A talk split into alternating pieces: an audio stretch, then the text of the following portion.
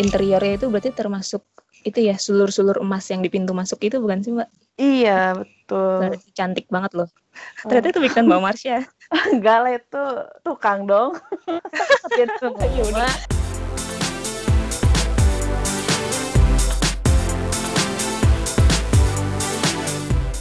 Hai Sobat Storia, ketemu lagi sama Mimin dan Momon tentunya di Storia Talk.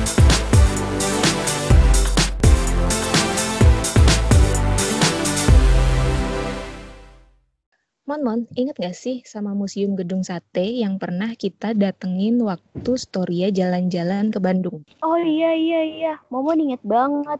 Yang ini bukan si Min yang kita ceritanya naik balon udara itu. Betul, yang ada balon udara di dalam ruangan. Seru banget kan waktu itu? Iya, seru banget Min. Emang kenapa sih Min?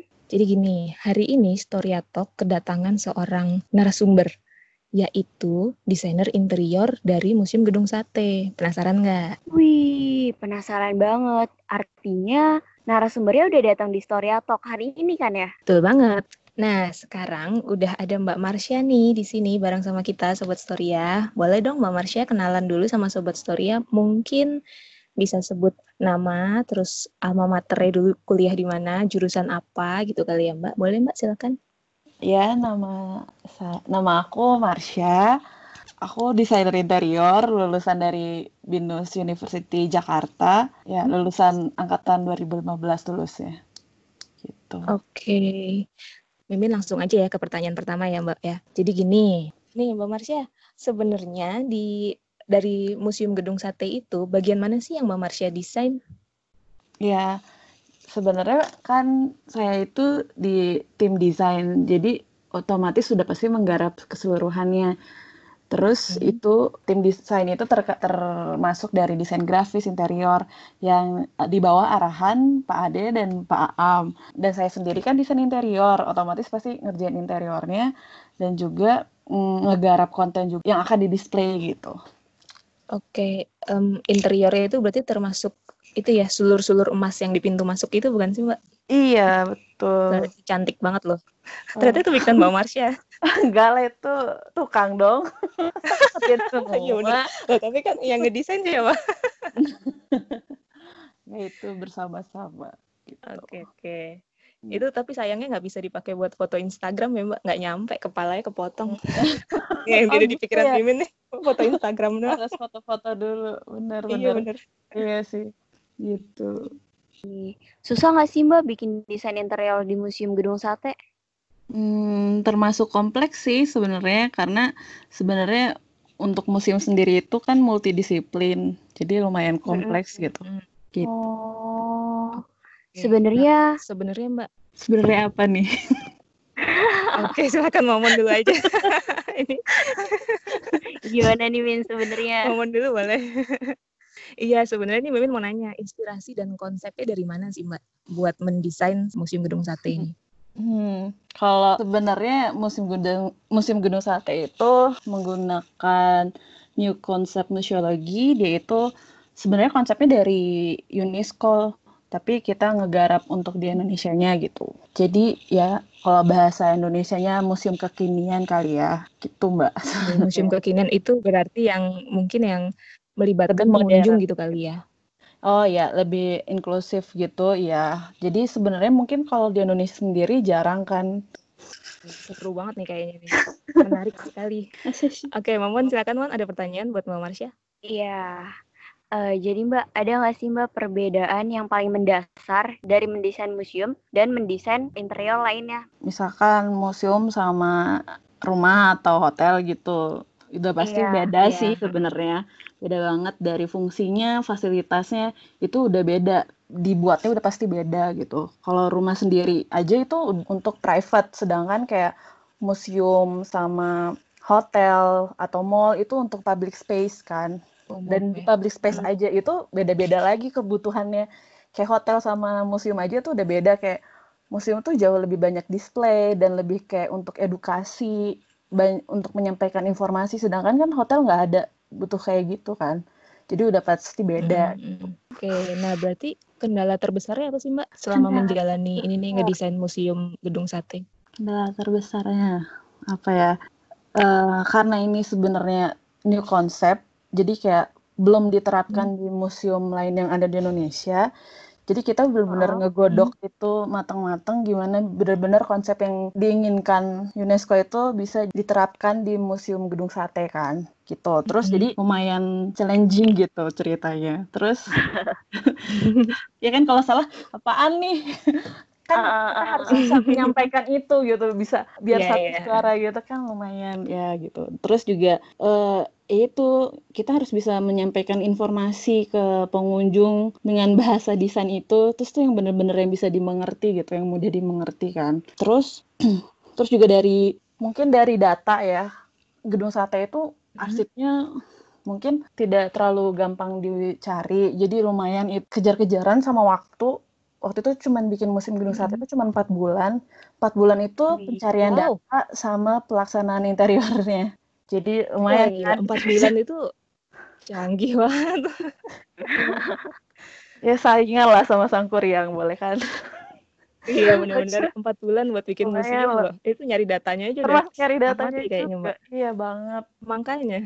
Iya. Berarti salah satu kendalanya juga yaitu ya waktu, terus udah gitu apa namanya, Ya, kejar-kejaran sama. cari data dan sebagainya Iya. gitu. Maksudnya kan datanya nggak semua ada di Indonesia ya, Mbak? Atau Iya. semua ada di Indonesia?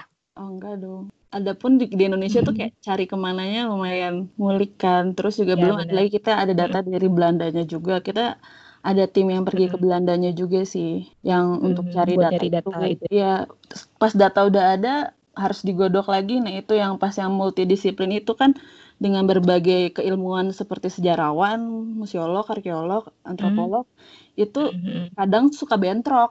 Kebayang kan harus dan kita harus Mhm. nge-display itu gitu. Gimana? Kayak Iya gitu iya iya. Jadi lumayan sih. penengah gitu ya, Mbak? Iya betul sekali. Iya. Tapi jadinya keren kok, Mbak. Heeh. Makasih loh. Jadi Wow seneng. banget ya Eh, ininya. sama-sama loh. Heeh. Iya, gitu. Nah, Jadi lumayan. selanjutnya nih, Mbak. Sebenarnya kenapa sih ide awalnya apa sih, Mbak, di Gedung Sate itu dibikin museum?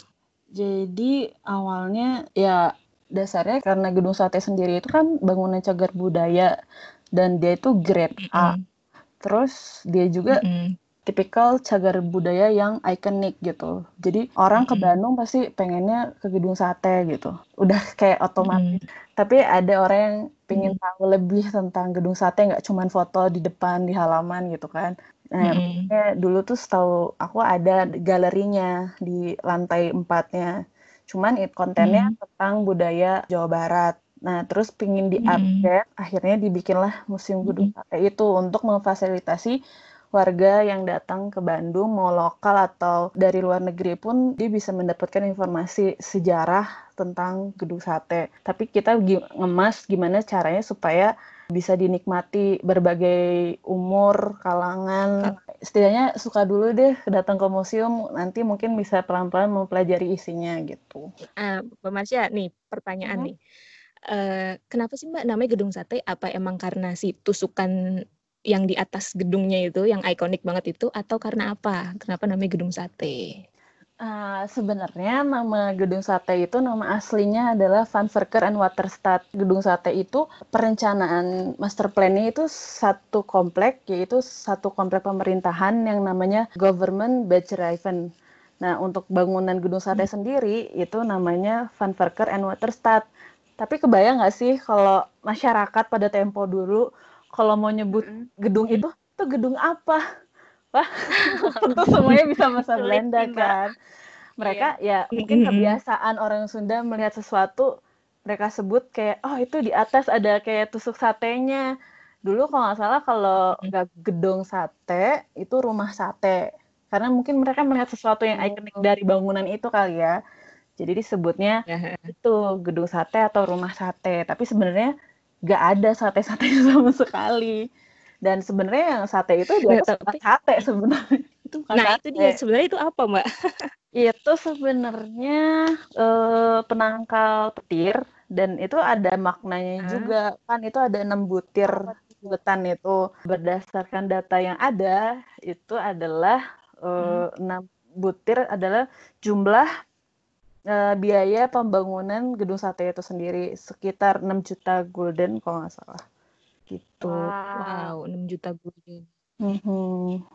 Oke oke. Jadi itu bukan daging sapi ya, Mbak? Bukan. gitu deh. Jadi Mbak Marsha, Hmm. sebenarnya selain dari koleksinya sendiri, apa sih yang bikin beda Museum Gedung Sate ini sama museum yang lainnya? Hmm, uh, sebenarnya dari ceritanya sendiri pasti kan udah pasti beda. Gedung Sate punya ceritanya sendiri, mungkin museum lain juga punya ceritanya sendiri. Terus juga dari display kita bagaimana display ini bisa mensupport dari konten yang ingin disampaikan dan kita banyak Oh. menggunakan media digital kan. Dan yang pasti sih kita nggak mau bikin orang takut datang ke museum sih. Yang paling sebel kan gitu kalau di Indonesia orang Iya, ke museum tuh ih serem apa nah Iya, takut serem Iya. doang. iya betul. Iya gitu kan. Nah, makanya kita bikin kemas yang mungkin ya itu ya bahasa kekiniannya ya museum yang yang dengan teknologi canggih istilahnya ya kayak gitu supaya lebih Oke. menarik generasi muda. Jadi memang targetnya sebenarnya kita jauh lebih ke anak muda karena inginnya kita tuh bisa menyampaikan informasi turun menurun sampai nanti anak-anak mendapatkan informasi penuh tentang Gendung Sate. Oke, nah ini tadi kan Mbak Marsha bilang koleksi digital gitu ya. Hmm. Menurut Mbak Marsha sendiri, ada nggak sih yang paling menarik dari koleksi digital atau yang mungkin nggak digital dari apa namanya Museum Gedung Sate? Yang paling menarik, yang mungkin aduh lu nyesel deh kalau nggak datang ke Museum Gedung Sate karena ada ininya gitu misalnya. Kalau ditanya aku, kalau aku kan udah mengutik segalanya, jadi kayak udah tahu gitu isiannya. Iya. Mungkin kalau yang mendapat respon dari luar gitu, yang paling digemari gitu, beda-beda dari setiap kalangan umur, beda-beda gitu. Kalau yang paling disuka anak kecil mungkin ya itu yang ada di Gedung Sate itu area gimmick, itu kayak ada floor mapping, di situ anak-anak suka main di situ. Mungkin ngerasanya kayak terbang di atas awan, jadi kayak wih terbang gitu. Nah di situ anak-anak seneng, jadi ada kayak tempat main gitu rasanya gitu. Terus pengalaman Oh, baru floor mereka. mappingnya ini yang ini ya Mbak, apa namanya Museum Gedung Sate tampak eh bangunan Gedung Sate tampak dari atas ya? Iya yang daerah daerah area area Gedung. Sate sih sebenarnya itu. Sebenarnya dari Gedung Sate ke Oke. Gasibu ke Monumen Perjuangan. Situ sih. Jadi kayak Mm-mm. Jalan di atas awan atau terbang lah mungkin mereka itu Mm-mm. paling disukain sama sama audiovisual juga mereka suka. Jadi di situ mungkin kalau pendapat aku sih orang Indonesia lebih suka didongengin kalau mendengar sejarah kan. Mungkin di audiovisual itu mereka Mm. ngerasa didongengin gitu untuk mendapat Oke, cerita. oke. Sebenarnya mereka udah dapet tuh di area materi tapi pas di audiovisual, oh iya itu tujuh pemuda tuh ada mayatnya gitu kayak nih kayak gitu-gitu pada udah ada Oke, tapi oke. mereka ngerasa gitu pas di audiovisual itu. Terus apalagi Mm. ada sih sebenarnya artefak kayak misalkan sirene itu ada masih ada dan masih masih berfungsi itu ada di menara. Itu juga paling kayak Hmm. hampir s- punya keistimewaan masing-masing gitu loh setiap sudutnya. Jadi Oh, Jadi intinya sih gitu ya pokoknya harus jelajahi. Oh iya bener. ya ceritanya sendiri gitu. Kenapa di Gedung Sate nggak ada artefaknya padahal ada sebenarnya tapi disumpetin. Diumpetinnya di mana, Mbak? Bukan diumpetin, maksudnya disimpan di tempat yang lebih aman. Kalau musim Gedung Sate kan kecil. Kalau Ah, ditaruh di situ takutnya pengunjung tidak bisa dikontrol, akhirnya malah merusak artefak dan perawatannya juga.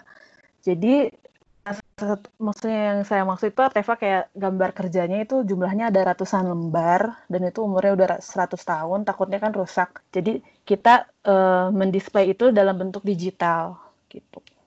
Oke. Gitu. Tapi kan itu termasuk artefak ya sebenarnya eh, kaca Iya. patri yang ada di Oh situ. iya, betul juga. Ya nempel sama bangunannya juga. Jadi ada beberapa Iya. bagian juga yang kita bikin duplikatnya supaya di dalam museum itu pengunjung bisa tahu ada apa tanpa harus mengelilingi gedung sate yang besar itu kan. Tapi iya. Mm-mm. ya kita bikin duplikatnya s- untuk menjadi informasi untuk pengunjung, bukannya kita mau malsuin artefak enggak. Cuman Iya, dengan iya, iya. kondisi kita kondisi museum gedung sate itu tuh eh, besarnya cuma 500 meter persegi, sedangkan kita ada informasi yang sangat banyak yang harus disampaikan. Ya kita harus ya itu gimana kreativitas untuk mengolah informasi itu tersampaikan dengan kondisi yang museumnya nggak terlalu besar. Kebanyakan kan museum mau di Indonesia, banyaknya di luar negeri pun besar-besar gitu kan. Sedangkan gedung sate cuma Mm-mm. 500 meter persegi dengan informasi yang begitu banyak yang harus disampaikan. Jadi gini Mbak, mungkin kan ada Sobat Soria nih Mbak yang belum datang ke Museum Gedung Sate. Terus mungkin Sobat Soria ini ragu-ragu buat datang ke Museum Gedung Sate. Mungkin boleh di-sharing Mbak, kenapa sih Sobat Soria yang belum datang ke Museum Gedung Sate ini harus datang ke Museum Gedung Sate? Uh, harus dong, maksudnya kayak kalau kalian cinta Indonesia, kalian harus tahu dalamnya. Kayak kalau kalian suka sama seseorang, pasti kan mencari tahu dalamnya kayak gitu. Waduh, gitu, analoginya asik juga nih. ya maksudnya kayak sebenarnya dengan yang aku pelajari selama ini kayak kalau kita mengetahui sejarah kita tuh bisa lebih tahu apa background kita tuh dulu seperti apa. Dan dengan kita tahu apa ya kita tahu who I am gitu kita akan lebih pede untuk berada di luaran sana gitu. Kayak iya Indonesia tuh kayak apa? Kamu tuh punya cerita gitu. Yang bisa di sharing yang bisa kamu banggain gitu. Dan di musim Gunung Sate sendiri kamu bisa mendapatkan informasi itu dan sambil menikmati dengan nuansa yang berbeda gitu. Oke. Berarti intinya di dalam Museum Gedung Sate itu isinya sejarah Bandung dan sejarah gedung satenya sendiri gitu ya, Mbak ya?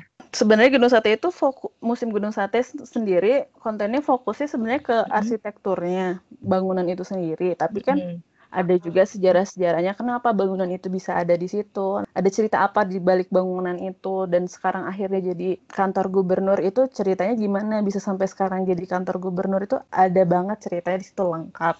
Mungkin untuk yang lebih ke sipil sama arsitektur mungkin di situ bisa lebih lengkap tahu sejarahnya gedung sate dulu pembangunannya seperti apa kayak fun fact-nya sebenarnya gedung sate itu adalah bangunan anti gempa, terus juga bangunan ramah hmm. lingkungan hmm. kayak gitu-gitu bisa dijelasin di museum gedung sate gitu. Nah, itu dia. Jadi oh, banyak ini ya fakta-fakta baru yang mungkin belum pernah kita dengar di luaran, tapi di dalam museum kita bisa tahu gitu ya, Mbak. Mm -mm, betul sekali. Mungkin sobat Surya yang belum ke museum gedung sate makin penasaran nih, Mbak harus dong biar datang ke musim gedung sate. iya benar banget. Sebenarnya masih ada beberapa ini nih Mimin juga bingung sih kayak misalkan nih kalau kita mau datang ke museum gedung sate itu sebenarnya pintu masuknya dari mana kadang kan apa dari depan gasibu atau bisa masuk dari mana gitu mbak gedung sate gede banget tuh soalnya. Masuknya dari gerbang. Jangan jangan loncat. Ya oke.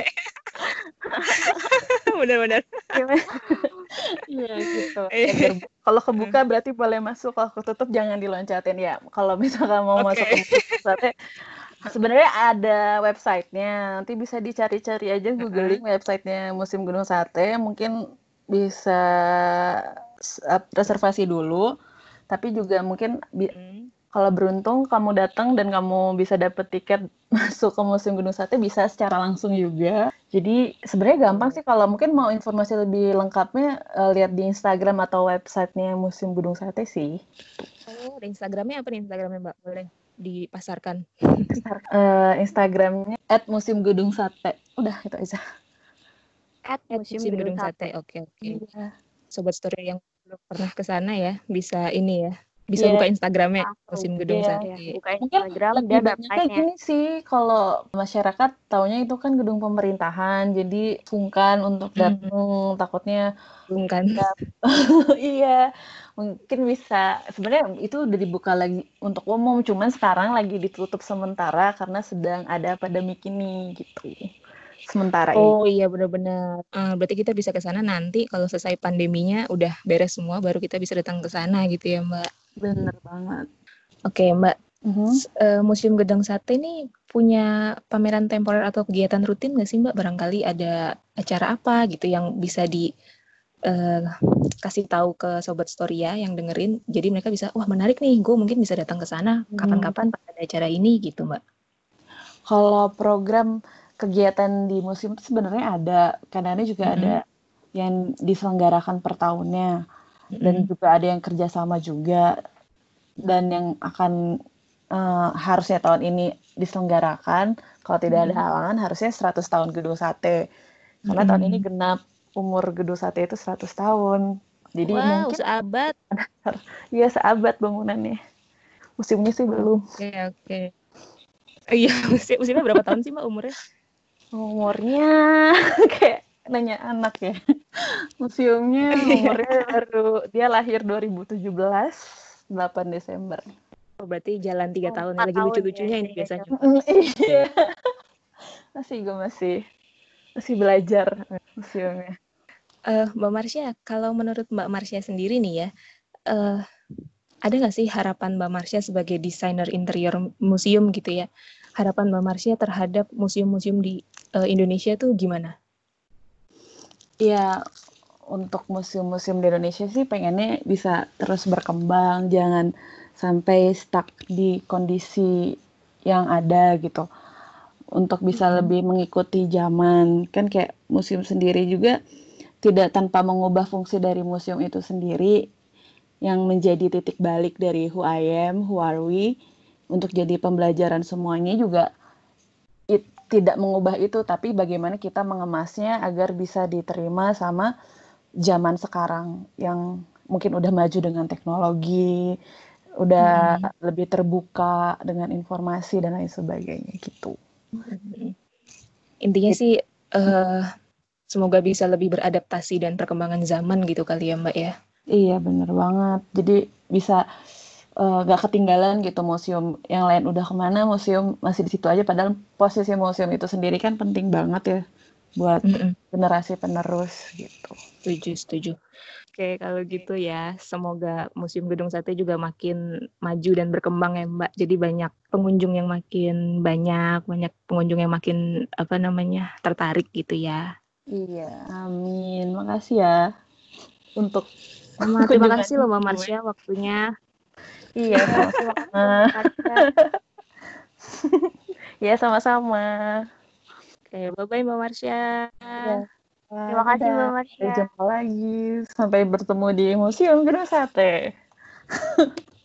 Oke. Hmm, gimana Sobat Surya? Menarik bukan obrolan kita kali ini? Ngomong-ngomong soal museum nih, Min. Momon hmm. punya temen loh dari museum yang bakal nemenin kita ngobrol di Story Talk minggu depan. Penasaran gak sih, Min? Penasaran banget. Siapa sih, Mon? Hmm, Mimin penasaran kan? Sobat sore juga pasti penasaran. Biar nggak ketinggalan informasinya, pantengin terus Instagramnya storya.karacitra. Bener ya, Min? Bener banget. Jadi, selain kalian bisa nggak ketinggalan informasi podcast minggu depan, kalian juga bakal dapat informasi tentang budaya dan sejarah yang menarik. Makanya, harus follow Instagram storya.karacitra. Gitu kan, Mon? Bener banget. Nah, sampai jumpa minggu depan, Sobat Surya. Terima kasih. Bye bye.